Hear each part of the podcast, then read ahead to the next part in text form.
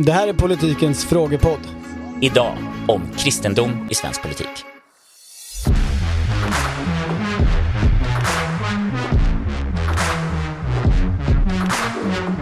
Tack herr talman. Alltså den nivån på frågor är ju bara för bedrövlig. Hej! Fråga till podden. Jag har bott i Stockholmsområdet hela mitt liv. Vad jag inte förstått tidigare är hur stark kyrkliga och frireligiösa grupperingar verkar vara ute i landet och vilken stark påverkan de verkar ha på rikspolitiken. Någonstans har jag levt i tron att de bara påverkade KD, men det är ju uppenbart hur stark påverkan de har i de allra flesta partier. Vore intressant om ni kunde ta upp kristen och frireligiös påverkan på partierna historiskt och idag.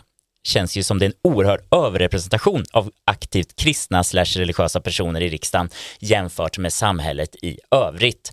Hälsa Petter Claesson.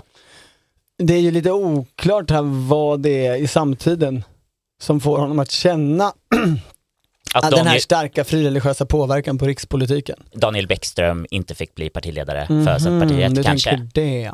Men i vilket fall så är det ju så här att han, han, ger ju, eh, han säger ju orden om ni kunde ta upp kristen och frireligiös påverkan på partierna historiskt. Och det tänker jag att vi kan.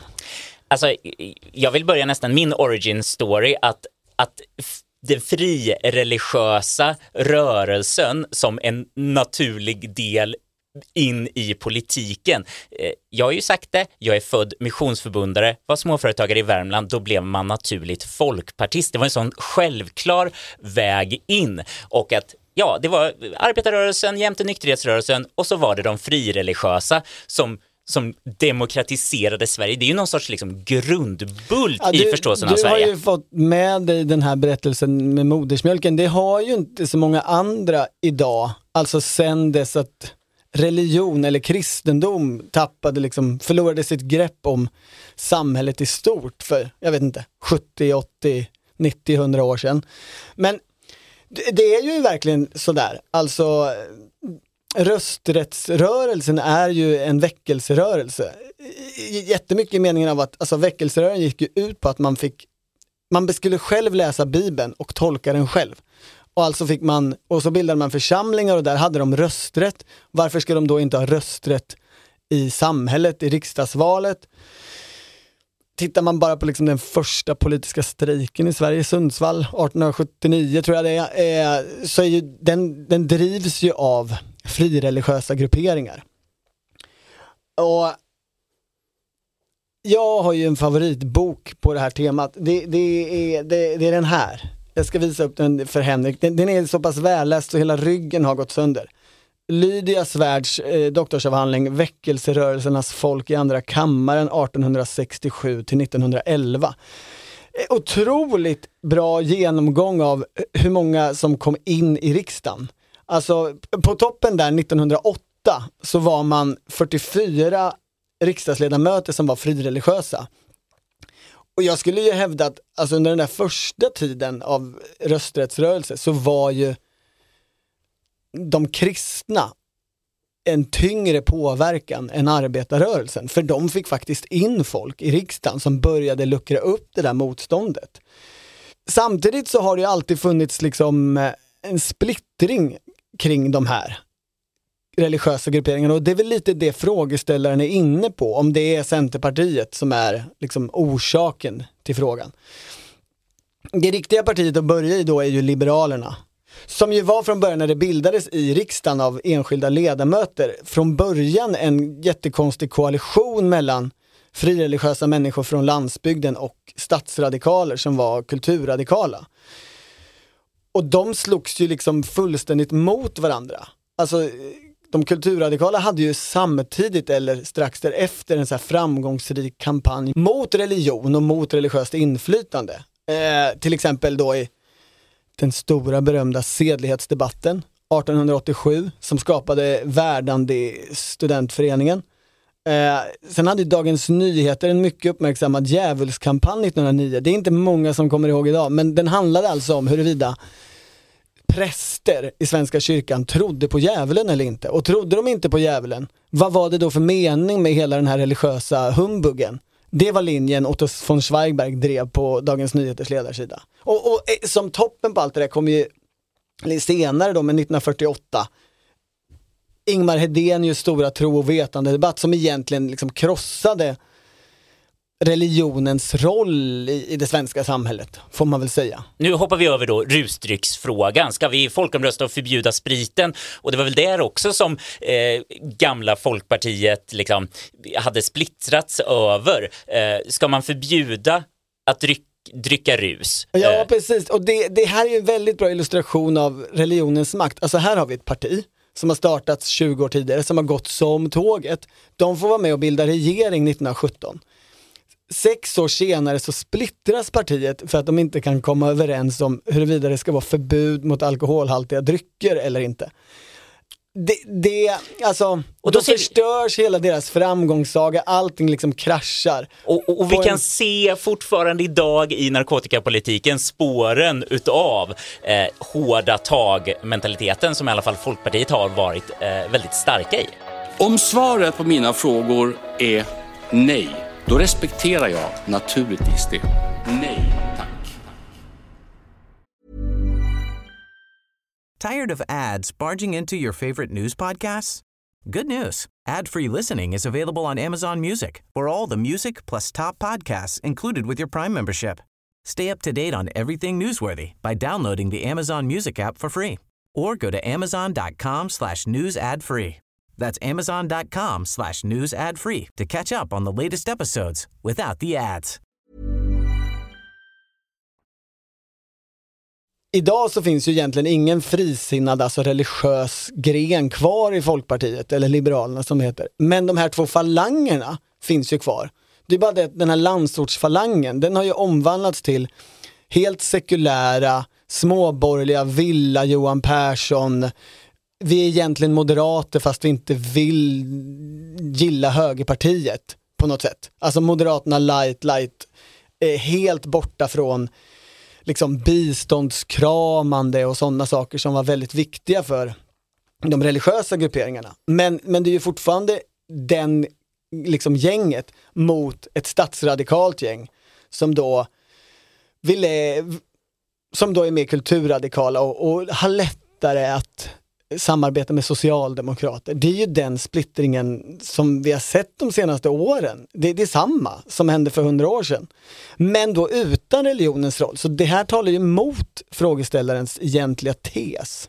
Alltså det beror på hur man ser på religionen. För till exempel eh, så har eh, Per Evert eh, skrivit en bok, eh, Landet som glömde Gud. Per så, Evert, heter han Per Evert? Det är, inte, det är inte ett dubbelnamn utan det är ett för och efternamn. Det är ett för och efternamn okay. baserat på hans avhandling från 2022, Moving Reality Closer to the Ideal. Och det är Håkan Lindgren som har skrivit i Svenska Dagbladet, vår tidning, om den här Mm. Eh, där det är tesen om att det här var Socialdemokraterna som eh, ville in och på ett sätt krossa religionens roll för att eh, förverkliga sitt partiprogram fyllt av rationella individualister. Det var det här som liksom skulle ta bort tusen år utav eh, mysticism och eh, tro på dumheter som Gud på något sätt. Och ja. det är också att man kommer in i att statskyrkan ska få sitt kyrkofullmäktige där eh, det ska nomineras av partier där fortfarande Socialdemokraterna är så starka där eh, Per Evert ser det här liksom som att på något sätt nu eh, när har man liksom lyckats tömma Svenska kyrkan på innehåll och bara gjort det till lite blaha eh, vänster och, och bistånd och kanske lite gay pride-parader. Så på något sätt då kunde den släppas fri och inte längre vara statskyrka. Eh, Medan Håkan Lindgren då vänder sig mot den här tolkningen och säger att det är inte alls individualism som har skapats här utan det är ju någon sorts bara massa enheter som står själva i en stark relation till, till staten. Och Håkan Lindgren argumenterar för att nej, det här väckelsementaliteten tycker han finns ju kvar hela tiden som en underströmning i det politiska 70-talets vänsteraktivism och vissa kanske skulle se så här att dagens miljö eller kulturkrig har mycket så här underdraget av att nu, nu slåss vi det goda mot det onda. Så att på ett sätt kanske det lever kvar. Ja, framförallt så är det så att historiskt så fort det har blivit liksom en konflikt kring religion och politik så har ju det varit Galtan-strider. Alltså de här gamla liberalstriderna som vi pratar om, det är ju Galtan-strider. Och egentligen är det ju samma sak med socialdemokraters relation till kristendomen och religionen. Alltså Men där har det nog ändå skett en rörelse.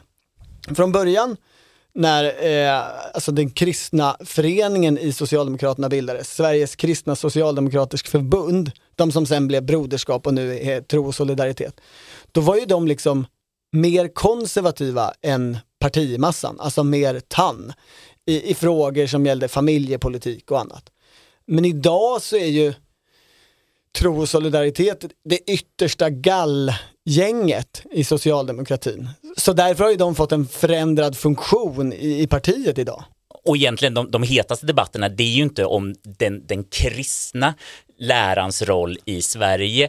Eh, nu för tiden är det ju islam och, och som ofta debatteras och ofta kulturkrigas kring och minareter versus kyrkklockor eller liknande eller också just tro och solidaritet. Har de på något sätt infiltrerats? Ja, och det är ju egentligen samma frågebatteri som fanns i Centerpartiets partiledarprocess. Muharrem Demirok är, är medlem i Svenska kyrkan, är kulturell, kulturell muslim. muslim, precis mm. som han sa. Alltså det är ju spännande om man tittar på Daniel Bäckström som ju var en motkandidat så är ju han extremt lik liksom Torbjörn Fälldin i det religiösa. Alltså några av Torbjörn Fälldins runor eh, som skrevs när han dog så, så betonas att han var en djupt kristen person, inte särskilt kyrksam men väldigt formad av kristendomen och det är ju också Torbjörn Fälldin som tar in Kristdemokraterna, alltså KDS som det hette i riksdagen, genom att göra det här valtekniska samarbetet i mitten av 80-talet. Det var ju Centerkvinnor då emot, för de vill inte ha att göra med de här alltför konservativa eh, Alf Svensson-pojkarna. Eh, men, för, men för Fälldin så var det en självklarhet. I Björn Elmbrands skildring av det här så, så, beskrivs ju liksom att man såg att man hade en politisk och social samhörighet med KDS. Alltså man var egentligen och började prata om så här, kan partierna fusioneras?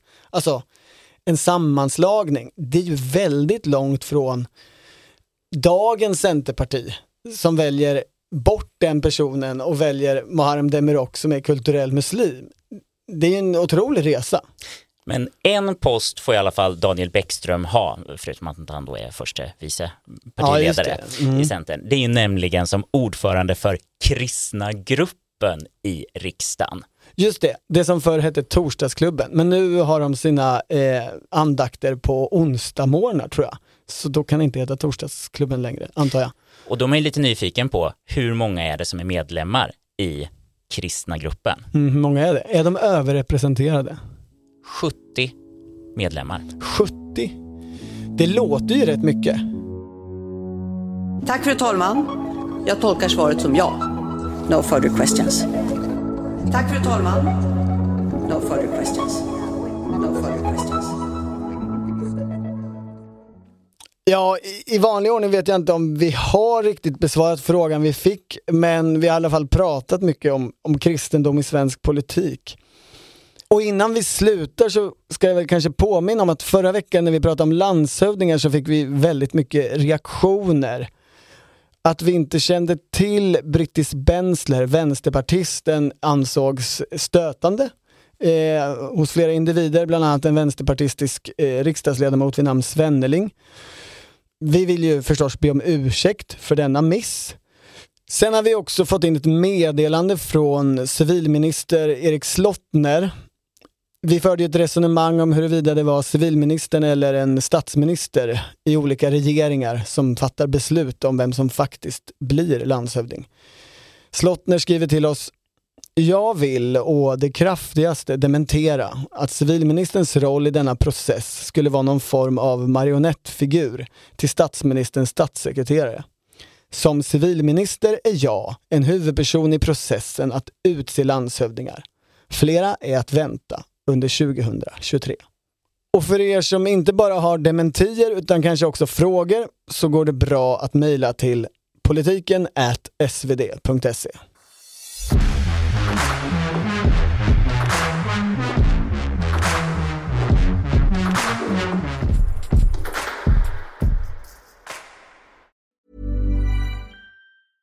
Hi, I'm Dory Shafrir. And I'm Kate Spencer. And we are the hosts of Forever 35. And today, we're talking about Club Med, the best all inclusive getaway for families. Today, Club Med has nearly 70 resorts worldwide, from beachside resorts in the Caribbean and Mexico to magical locations in the Maldives and Morocco to ski resorts in the mountains from Canada to the Alps. Between their all inclusive family programming, wellness offerings, land and water sports, and their French heritage inspired food and drink offerings, Club Med is the best way to elevate your family getaway, no matter which location you're at.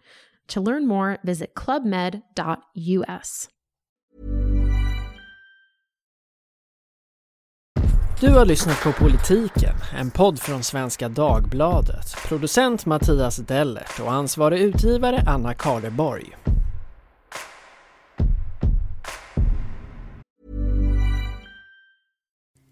Hi, I'm Kara Berry, host of Everyone's Business But Mine, and I am an all inclusive addict. Enter Club Med, the best all inclusive for you and your family. With resorts worldwide, from their family flagship resort, Club Med Punta Cana, to their only mountain resort in Canada, Club Med Quebec, they have everything you need to relax. With their 20 plus sports activities, wellness programs, you can dine on delicious cuisine and make memories with your family. So book your next getaway with Club Med. Visit clubmed.us or call 1 800 Club Med or your travel advisor.